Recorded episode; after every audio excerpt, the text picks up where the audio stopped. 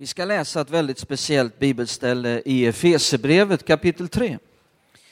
Och där ska vi hitta temat som jag har här idag. Ett väldigt spännande tema. Efesebrevet kapitel 3, den tjugonde versen. Men innan vi läser så ska vi be tillsammans. Fader Gud, i Jesu namn, vi ber till dig nu att vi ska få möta dig här idag. Att vi ska få se dig. Att vi ska få höra från dig. Vi söker inte någon människa här idag, utan vi vill möta dig. Bara hos dig finns liv. Bara hos dig finns sann glädje, trygghet och frid.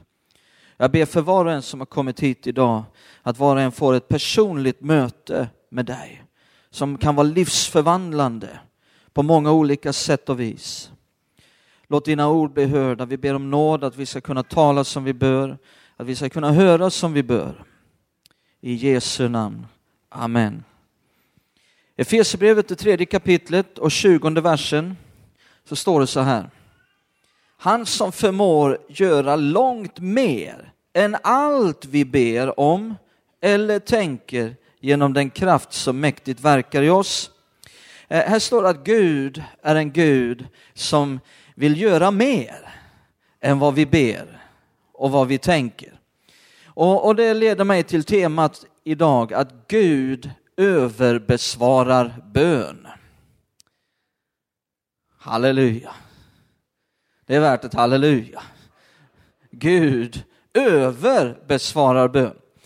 Du vet, en av de mest kända kristna fraserna är ju Gud hör bön. Eller hur? Gud besvarar bön. Ändå är det bara en halvsanning. Därför att sanningen är att Gud överbesvarar bön. Inte bara hör bön, inte bara besvarar bön, utan överbesvarar bön. Nu finns det en del kristna som inte tror att Gud besvarar bön speciellt mycket. Att han eh, nästan underbesvarar bön. Jag minns en gång för en del år sedan, jag satt i en gudstjänst och lyssnade på en predikant. Och, och den här predikanten, han eh, talade om bön. Eh, och, och, hans eh, tema var att bön är lotteri. Bön är ett lotteri. Eh, att eh, om vi har tur så svarar Gud på bön. Eh, han, han sa helt enkelt att ibland vinner vi högsta vinsten. Men oftast drar vi nitlott. Jag trodde inte mina öron när jag hörde detta. För jag har inte läst någonstans i Bibeln där det står att han bedjer med tur. Tvärtom så läser jag Jakobs brev kapitel 1, där står det han bedjer med tro. T-R-O, inte T-U-R. Men eh, det finns en del som tydligen håller fast vid sådana här teser som inte är förankrade i Bibeln. Eh, och, och, andra kristna nästan har nästan den här, kanske om man inte säger det på det här sättet så kanske man går med den här inställningen i bön att ja, man kan ju bara få ett nej. Ungefär så där ber man att man kan ju bara få ett nej. Ungefär som när man ska söka arbete, att ja, det, det är väl bra att söka, man kan ju bara få ett nej. Det, jag kan väl alltid slänga upp en bön, jag, den, jag, det enda som kan hända är att man får ett nej. Ehm, sen finns det många kristna som håller fast vid en fras som sprids i kristenheten. Eh, ett klichéartat uttryck som man eh, återupprepar utan att egentligen fundera på hur förankrat det är i Guds ord. Och det är när man säger att Gud svarar alltid på bön. Det låter ju väldigt positivt. Gud svarar alltid på bön. Ibland säger han ja och ibland säger han nej. Många har hört det förut. Kanske du till och med har själv undervisat på det sättet. Blev lite nervöst nu. Men var står det i Bibeln? Första djungelboken kanske? Aldrig undervisade Jesus det, att Gud svarar alltid på bön. Ibland säger han ja och ibland säger han nej. Nej, vet du vad sanningen är? Det är att du alltid kan få ett ja ifrån Gud om du ber bibliskt. Lägg märke till det jag sa sist. Om du ber bibliskt eh, så kan du alltid få uppleva ett ja ifrån Gud. Titta här i andra Korinthierbrevet 1 ska du få se. Andra Korinthierbrevet kapitel 1. Då står det så här i vers 18 till 20. Så sant Gud är trofast, vårt budskap till er är inte ja och nej, ty Guds son Jesus Kristus som bland er har blivit predikad av oss och av mig, av Silvanus och Timoteus, han kom inte som ja och nej, utan ett ja har kommit genom honom. Ett ja från Gud har kommit genom Jesus. Så titta nu vad det står i vers 20. Ty alla Guds löften, de är många, har i honom fått sitt ja. Därför får de också genom honom sitt amen. Det måste bli ett amen också. Jag gillar en översättning där det står att det, genom oss kommer ett amen. Inte ett nämen. Ja men. Nej, inget ja men. En del kristna när de får, får höra Guds löften och det positiva budskapet så kommer det ja men. Nej, inget ja men. Det måste bli ett amen. Och inte nämen. Det måste bli ett amen. Eh, därför får de också genom honom sitt amen för att Gud ska bli ärad genom oss. Ser du att ett ja har kommit från Gud? Så när du ber bibliskt, Gud, jag behöver detta i mitt ja, säger Gud. Det här är ett behov, ja. Ja. Sen en del kristna, ja men då, då, då ja men, ett av de största ja men i Bibeln, eller, eller eh, inte i Bibeln utan i, i deras liv möjligen, i deras tankevärld, är Paulus törntagg. Ja men Paulus, han bad ju till Gud att han skulle bli av med denna törntagg i köttet. Men Gud sa nej. Vad säger du nu Sven? Ja, jag har inget annat att säga än det som står där i Bibeln. Och det är också i andra Korinthierbrevet, men vi ska inte ta tid nu och djupstudera det här och läsa det där, men det står i kapitel 12 i det här brevet. Eh, många kristna har för sig att, att det var en sjukdom som Paulus hade, som han kallade för törntagg i köttet, och sen bad han till Gud att han skulle bli av med den, men Gud sa nej. Det första man behöver lägga märke till, bara för att ta det väldigt kort nu, för vi ska ta, läsa lite annat här också idag. Eh, det första är att ordet sjukdom står inte i den där texten om Paulus törntagg. Inte överhuvudtaget. Eh, törntagg i köttet, om man studerar det så ser man att det är ett gammaltestamentligt idiom och uttryck som står symboliskt för någonting väldigt speciellt och det är opposition ifrån människor. Och det är det vad hela sammanhanget handlar om när man läser om töntaggen i köttet. Och då säger Paulus att han bad till Gud tre gånger att få slippa detta. Men Gud sa nej. Nej, han sa inte nej. Det är det andra saken man måste lägga märke till, det är att ordet nej står inte någonstans där, utan det Gud svarade var min nåd är dig nog.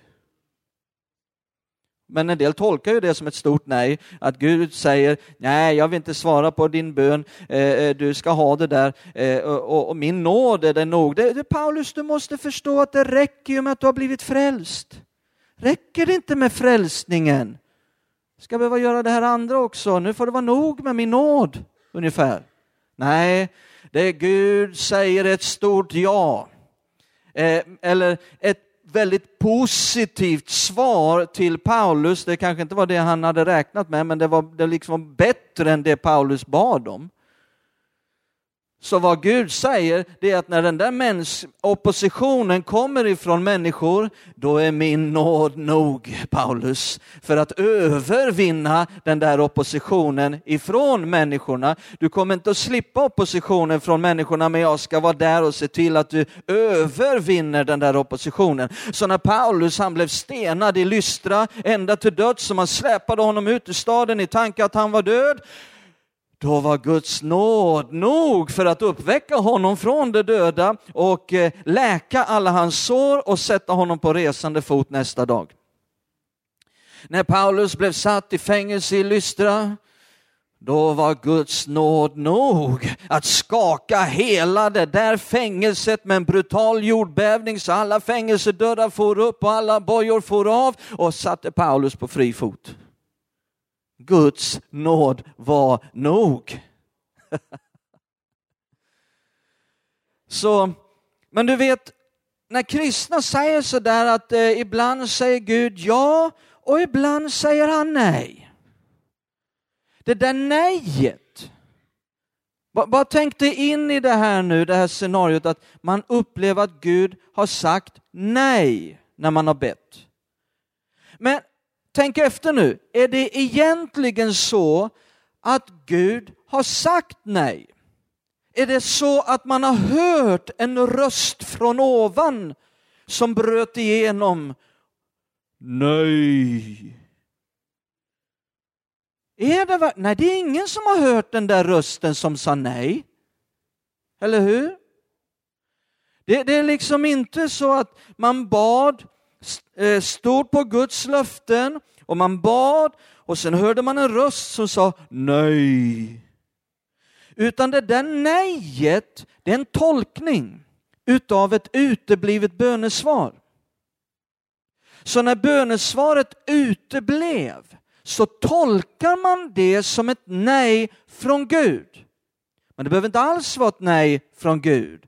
När ett bönesvar uteblir, Bibeln undervisar om detta och säger att det kan finnas hinder i vägen för Guds ja att bryta igenom. Och Det är därför vi behöver studera Bibeln, ta reda på vad Bibeln säger om bön och lära oss att be bibliskt. Och då får vi reda på att Guds ja kan få bryta igenom. Så tolka inte uteblivna bönesvar som ett nej ifrån Gud. Sen är det ju lyckligtvis så här att många kristna har en väldigt positiv tro på att Gud svarar alltid på bön och då på ett väldigt positivt sätt. Men sanningen är bättre än så. Sanningen är att Gud överbesvarar bön. Han förmår, läste vi här, och, och, och, och att göra långt mer än vad vi ber om och tänker. Ehm, och det här är någonting som man ser genom hela Bibeln. Ehm, från början och ända fram till våra dagar. Eh, nu läser man inte i Bibeln om våra dagar. Eh, ja, det kan man göra profetiskt också, men vi ska inte gå in på det nu. Men i alla fall. Eh, men man ser genom hela Bibeln denna sanning att Gud är en Gud som överbesvarar bön. När vi ber så gör han mer. Det är underbart. Vi brukar säga när, när be så ska du få se. Men jag gillar att lägga till det där också att be ska du få se att han gör mer. Amen. Ehm, jag ska ge dig några sådana här exempel nu. Vi ska ta det ganska raskt och snabbt, men bara liksom några exempel här, bara för att inspirera din tro att Gud är en Gud som överbesvarar bön. Titta nu först av allt i Första Konungaboken kapitel 3. Första Konungaboken kapitel 3. Ska vi läsa om Salomo i vers 5. Första Konungaboken 3, vers 5. Eh, så står det i Gibeon visade sig Herren för Salomo i en dröm om natten. Gud sa, be mig om det du vill att jag ska ge dig. Be mig om vad du vill. Titta nu vad Salomo ber om i vers 7. Du, Herre min Gud, har nu gjort din tjänare till kung efter min fader David. Men jag är bara en ung man, jag vet varken ut eller in. Din tjänare är här bland ditt folk som du har utvalt, ett folk så stort och talrikt att det inte kan räknas på grund av sin mängd. Ge din tjänare ett lydigt hjärta så att han kan vara domare för ditt folk och skilja mellan gott och ont. För vem annars ska vara domare för detta ditt stora folk? Detta behagade Herren att Salomo bad om sådant. Gud sa till honom, eftersom du har bett om detta och inte bett om ett långt liv, inte heller om rikedom eller om dina fienders liv, utan om att kunna förstå vad som är rätt, Se därför vill jag göra som du önskar och ge dig ett så vist och förståndigt hjärta att någon lik dig inte har funnits före dig och inte heller ska komma efter dig. Dessutom, kan alla säga dessutom? Dessutom ger jag dig också vad du inte har bett om, nämligen både rikedom och ära så att i alla dina dagar ingen kung ska vara din like. Eh, så här ser vi väldigt tydligt att Gud är en Gud som överbesvarar bön. När Salomo bad om visdom så sa Gud, jag ska ge dig visdom, men jag ska också ge det du inte bad om och så ska du få allt det här andra också. För Gud är sådan. Eh, många tror liksom att Ja, Gud möter våra behov, men bara precis så att vi har vad vi behöver, så att vi precis kan hanka oss fram i det här livet. Ja, Fadern vet vad vi behöver innan vi ber honom om det och han vill möta våra behov, men inget mer. Men sån är inte Gud. Gud, han svarar på våra böner väldigt exakt, men sen vill han ge lite extra bara för att han älskar dig. Sån är Gud. Eh, titta här i Hosea, det andra exemplet. Hosea kapitel 14. Kommer innan, kommer efter Daniels bok. Hosea 14. Så står det i vers 3 till 4. Hosea 14, 3 till 4. Ta med er ord och vänd åter till Herren. Säg till honom, förlåt oss alla våra synder och ta nådigt emot oss. Då ska vi prisa dig med våra läppar. Assur kan inte rädda oss. Vi ska inte mer sitta upp på stridshästar. Vi ska aldrig mer säga vår Gud till våra händers verk. Ty hos dig finner den faderlöse barmhärtighet. Här finner vi hur Israels folk, de levde i synd. Men här kommer de nu till Gud för att be till Gud och deras bön var enkel. Den, den var bara Gud förlåt oss och ta emot oss. De kände att om Gud inte ger någonting mer, det här räcker. Gud förlåt oss, ta emot oss. Eh, titta nu hur Gud överbesvarar den här bönen i vers 5. Jag vill hela dem från deras avfall jag vill älska dem av fri vilja, ty min vrede har vänt sig från dem. Jag ska bli som dagg för Israel. Han ska blomstra som en lilja, han ska skjuta rötter som Libanon. Hans avkomlingar ska breda ut sig han ska bli likt ett olivträd i fägring, han ska dofta som Libanon. De som bor i hans skugga ska återvända, de ska odla säd och grönska som vinstockar. Minnet av honom ska vara som Libanons vin. Efraim, vad har jag mer med avgudar att skaffa? Jag ska bönhöra honom och ta mig an honom. Jag är som en grönskande cypress, hos mig finner du din frukt. Så här säger Gud, jag ska bönhöra, jag ska svara, jag ska ta emot er.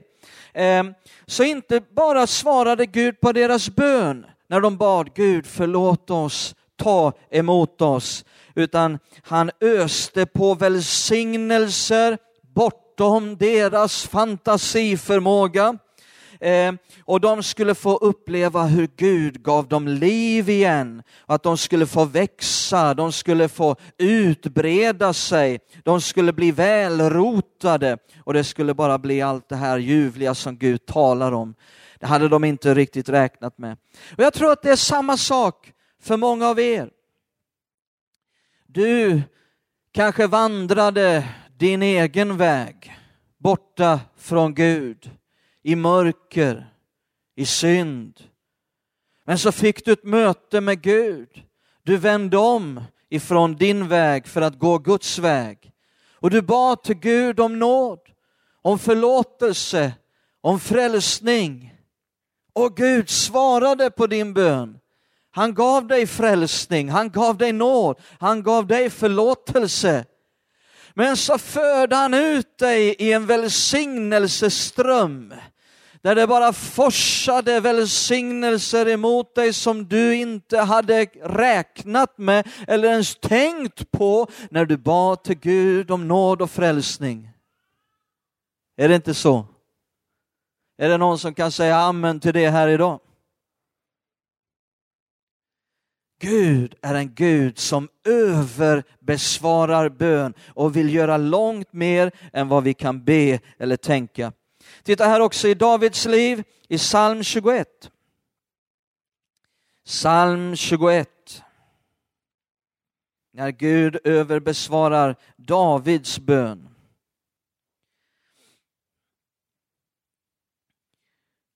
Psalm 21 och vers 3 så står det Vad hans hjärta önskar ger du honom, vad hans läppar begär vägrar du honom inte, Sela.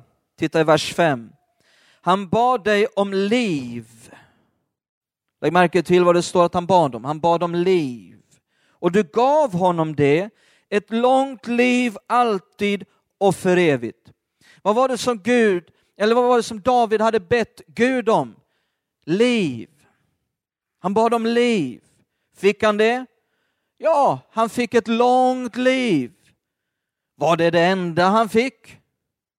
Nej, titta nu i vers 4. Ty du möter honom med rika välsignelser, du sätter en krona av rent guld på hans huvud. Titta i vers 6 och 7. Stor är hans härlighet genom din frälsning, majestät och glans ger du honom. Du låter honom bli till välsignelse för evigt.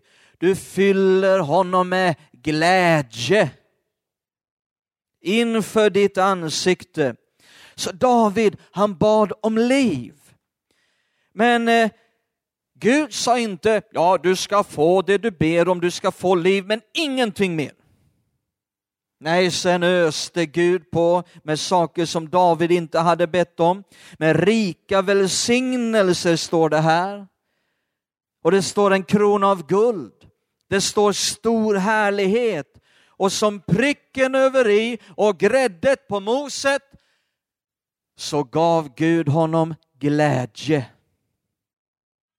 För vad ska man med liv till? Vad ska man med långt liv till om man inte också har glädje medan man lever? Ser ni, Gud är en Gud som överbesvarar bön. Ehm, det var en italiensk kvinna nere i en liten by i Italien som inte kunde få barn. Och hon gick till prästen, den katolske prästen och, och sa till prästen, kan, kan du be för oss att vi ska få barn? Och prästen lugnade henne och sa att jag ska flytta till Rom och bo där i tio år och jag ska tända ett ljus för dig i Sankt Peterskyrkan i Rom. Och sen eh, gick det tio år och den här prästen han eh, flyttade hem till den lilla byn. Och det första han tänkte att han ville göra var att besöka den här kvinnan. Och när han kommer in genom dörren så möts han av åtta stycken stycken livfyllda, lekande, högljudda barn. Och han, liksom, han blir ju jätteglad där, så han ropar Gud har svarat på våra böner. Ljuset fungerade, ljuset fungerade. Och sen säger han till kvinnan, var är din man? Jag vill krama honom. Jag vill glädjas med honom. Var är, jag vill gratulera honom. Var är din man? Ja, säger hon, han är inte här. Han har rest till Rom för att blåsa ut det där eländiga ljuset du tände.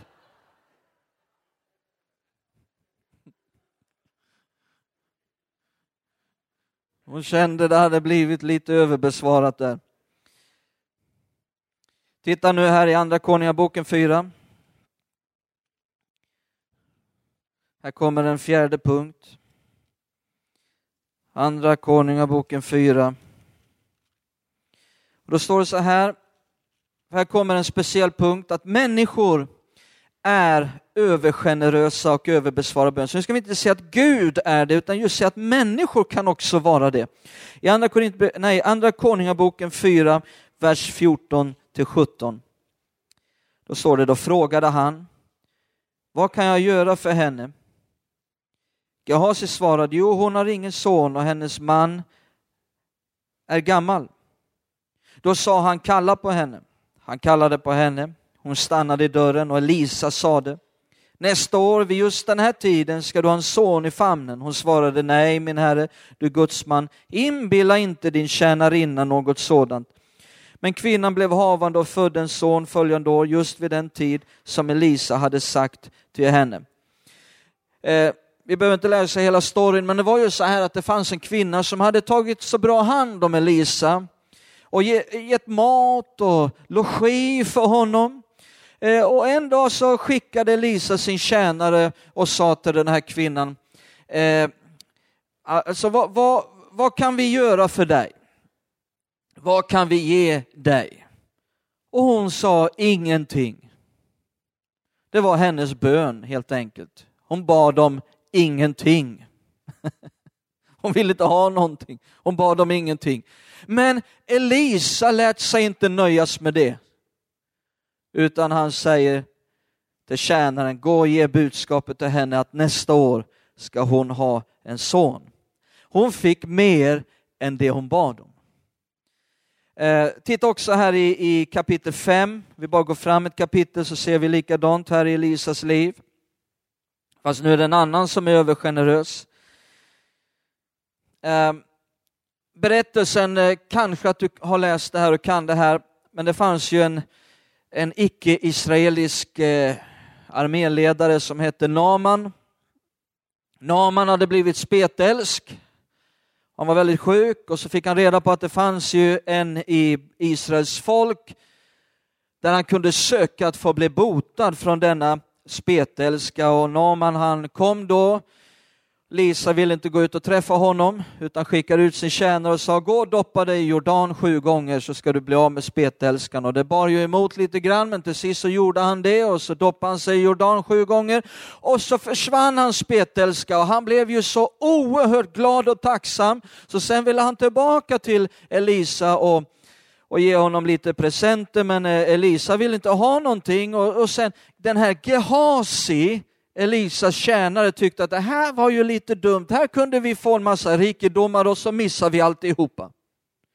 Så när Naman nu åker hem så springer Gehazi ut efter Naman för att se om inte han kan få någonting. I andra konungaboken då 5 och vers 20 så läser vi tänkte Gehazi, gudsmannen Elisas tjänare, se min herre har släppt iväg denne Naman från Aram utan att ta emot vad han hade fört med sig. Så sant Herren lever, jag ska springa efter honom och försöka få något av honom. Och Gehazi gav sig iväg efter Naman. När Naman såg någon komma springande efter sig steg han genast ner från vagnen och gick emot honom och sa, allt står väl rätt till? Han svarade, ja min herre.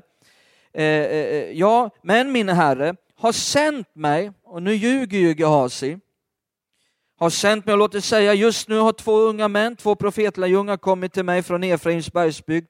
Ge dem en talent silver och två högtidsdräkter. Du vet, en talent silver var väldigt mycket. Du kunde köpa en hel bondgård för en talent silver. Så det är mycket som Gehazi ber om.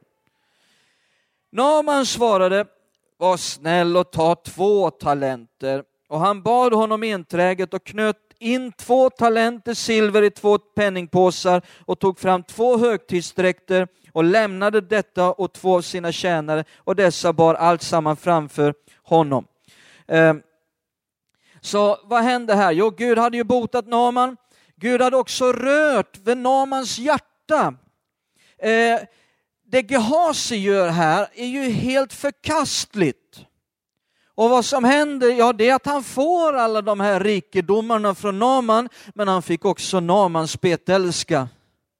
Om du läser hela berättelsen så blev Gehazi spetälsk. Men det vi vill se här, eh, det är att när Gehazi bad om en talent silver, vilket är jättemycket rikedom, då var Naman övergenerös och överbesvarade denna bön. Och om nu människor, och det är det här som jag nu vill komma till eh, med att titta på de här två exemplen, det är att om människor kan vara övergenerösa och göra mer än det vi faktiskt ber om, varför skulle det vara så svårt att tänka sig att Gud är övergenerös och vill göra mer? Varför ska man varför ska vissa kristna nästan tänka att Gud är mindre generös? Varför agerar kristna som om Gud skulle vara snål och missunnsam och någon som vi måste dra saker ur? Eh, eh, nästan pina ihjäl med våra böner och irritera ihjäl honom innan han ger någonting. Gud är inte sådan. När Jesus sa om dessa i världen som är onda förstår att ge sina barn goda gåvor, hur mycket mer ska inte då vår himmelske fader ge vad gott är åt dem som ber honom? Titta nu i Lukas 23, ytterligare ett exempel, kanske det mest underbara exemplet i hela Bibeln. Lukas 23. När någon får sin bön överbesvarad, håll i dig. Lukas 23, vers 42 till 43. Vi finner Jesus på korset. Och då står det i Lukas 23, vers 42-43. Och han, vem då? Rövaren en av de två rövarna som hängde på varsitt kors bredvid Jesus, han sa Jesus, tänk på mig när du kommer till ditt rike. Vad är hans bön? Han ber om en tanke. Vad sa Jesus? Ja, det ska jag göra. Jag ska ge dig en tanke. Jag ska ägna en minut åt att tänka på dig när jag kommer till mitt rike. Eller vad sa Jesus? Jesus svarade, amen säger jag dig, idag ska du vara med mig i paradiset. Snacka om att det blev överbesvarat. Och Gud gjorde mer, ja långt mer än denne rövare kunde be om eller tänka. Kanske att du också upplever just detta, att Gud har gjort det för dig. Titta i Markus 2, ytterligare någon. Markus 2, vers 1. Markus 2, vers 1 så står det. Några dagar därefter kom Jesus tillbaka till Kapernaum när man fick höra att han var hemma samlades så många att de inte längre fick plats ens utanför dörren och han predikade ordet för dem. Då förde man till honom en lam som bars av fyra män. Men när de för folkmassans skull inte kunde komma till Jesus med honom tog de bort taket över platsen där han var.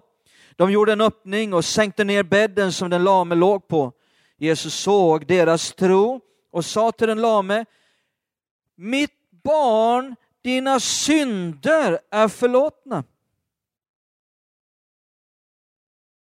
Det var ju inte det som den här mannen kom dit för. Den lame mannen kom dit för att få bli helad. Han kom inte dit för att be om syndernas förlåtelse. Men Jesus överbesvarar hans hjärtas bön. Fick han det han bad om? Ja, titta här i vers 11. Vers 11. Till dig säger jag, stig upp, ta din bädd och gå hem. Då steg mannen upp, tog genast sin bädd och gick ut inför allas ögon. Alla blev utom sig av häpnad och prisade Gud och sa, något sådant har vi aldrig sett. Den lame mannen ville be om helande och hälsa och han fick det och han fick det han inte bad om. Förlåtelse för synder. Titta i Apostlagärningarna 3. Hittar vi ytterligare ett exempel.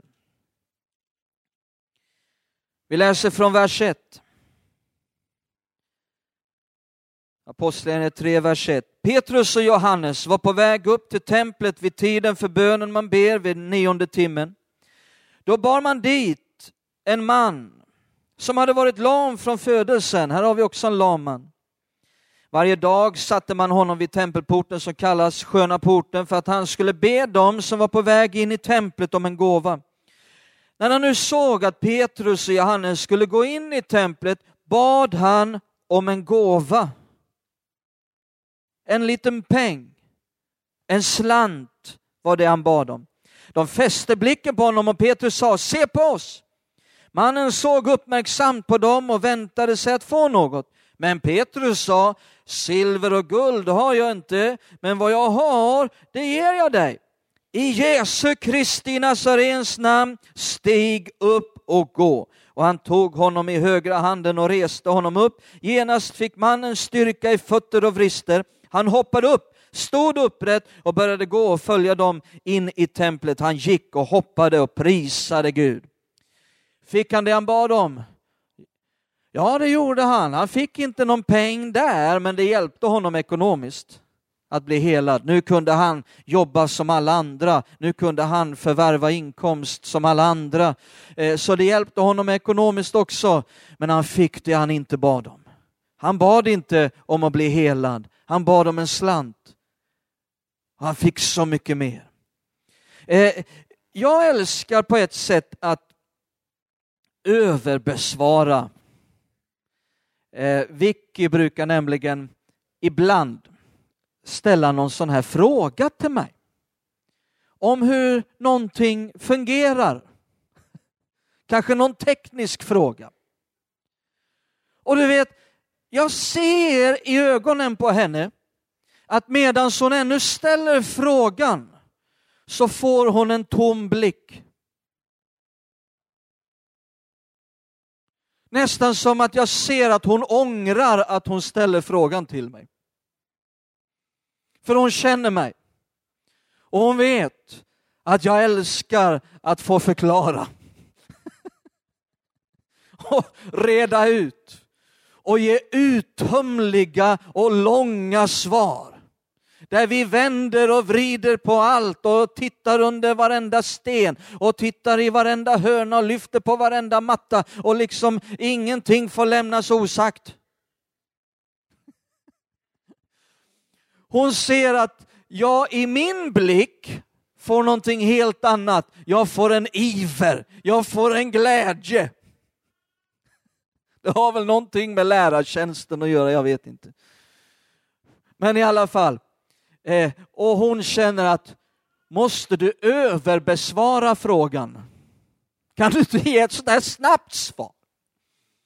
Och, och, du vet, Gud, han är, han, han liksom, han är ju inte som jag, jag vill inte säga det.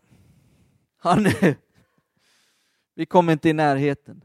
Men liksom vad jag vill säga med det är att, att Gud, när vi ber honom om saker, då får han en iver i sin blick.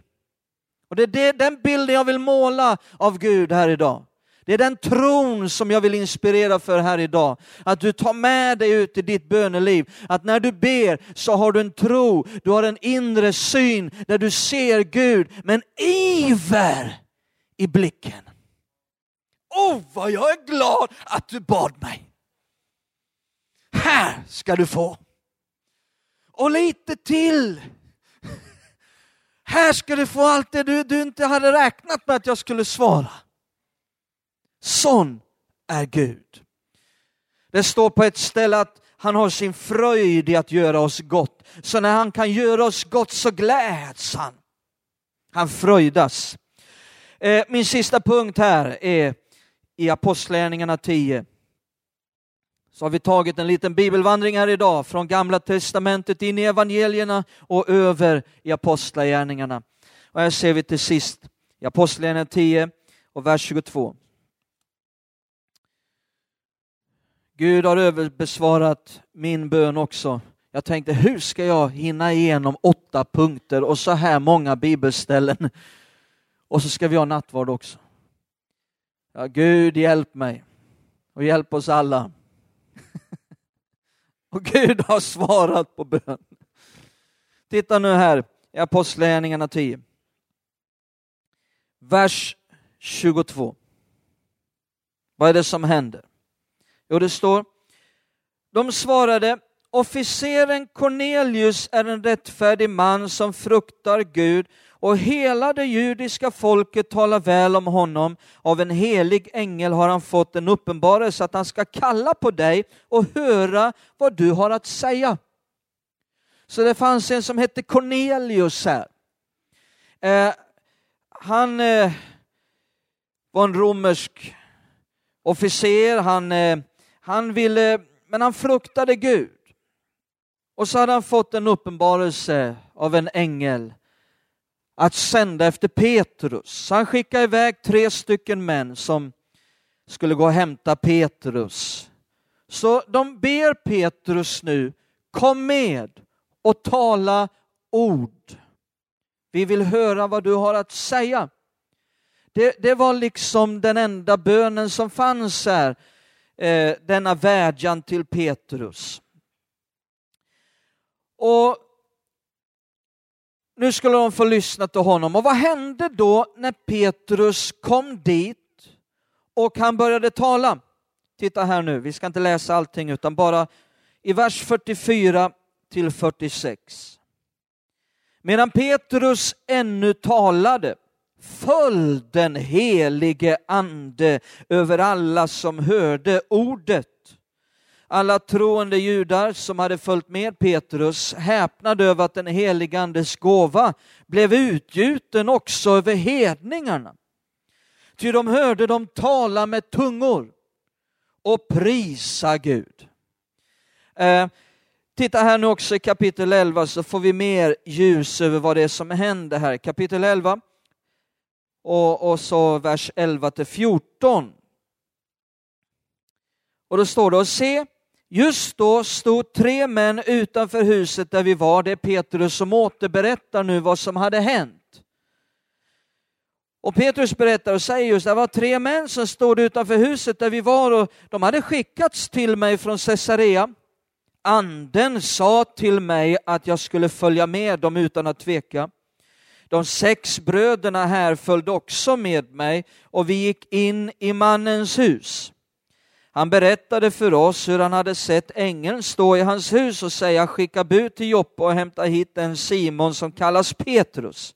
Han ska tala till dig och genom de orden ska du bli frälst, du och hela din familj. Eh, så deras bön var helt enkelt att Petrus skulle komma till dem och tala ord genom vilka de skulle bli frälsta.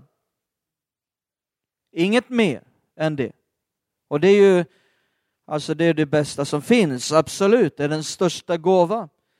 Ord genom vilka de kan bli frälsta. Eh, det var det de förväntade sig, att de skulle just få höra Petrus tala ord. Fick de detta? Ja, det fick de. Fick de någonting mer än det de hade tänkt och bett om eller kunnat fantisera om? Jag tittar i nästa vers, i vers 15. Petrus säger, och när jag började tala föll den heligande på dem, alldeles som på oss under den första tiden. Då kom jag ihåg vad Herren hade sagt, Johannes döpte med vatten, men ni ska döpas i den helige ande. Så de fick dessa ord till frälsning.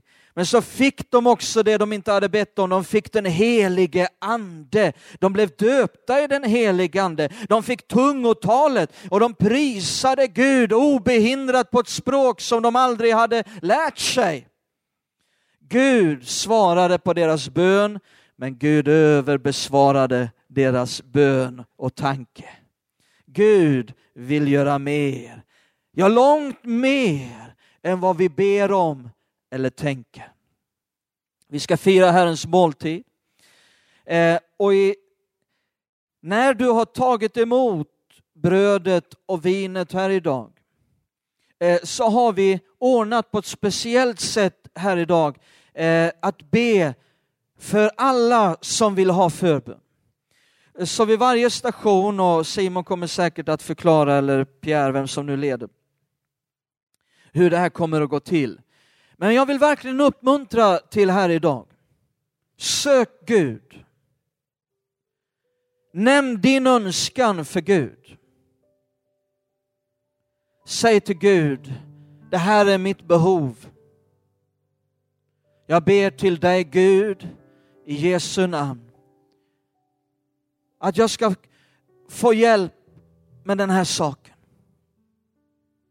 Och vet du vad Jesus sa att där två eller tre är samlade i hans namn, där är han. Där är han mitt ibland oss. Jesus är här. Han är här för att möta varje behov. Han är här för att hjälpa dig i din situation. Kanske du behöver ett helande i din kropp. Kanske du behöver hjälp i en ekonomisk situation. Kanske du behöver ett arbete. Kanske det är någon som har flyttat in ifrån ett annat land och som behöver uppehållstillstånd. Kanske det är någon som bär någonting annat som väger på axlarna, som är, känns tungt. Herren sa, kasta dina bekymmer på mig, för jag har omsorg om dig. Då finns det en plats här idag där du kan få rulla över den här bördan på Herren, där du kan få kasta de här bekymren på honom, för han har omsorg om dig. Han vill hjälpa dig, han vill svara på din bön och han vill också ge dig saker som du inte ens kan föreställa dig nu. Och vi vill be för dig, be tillsammans med dig. Varsågoda.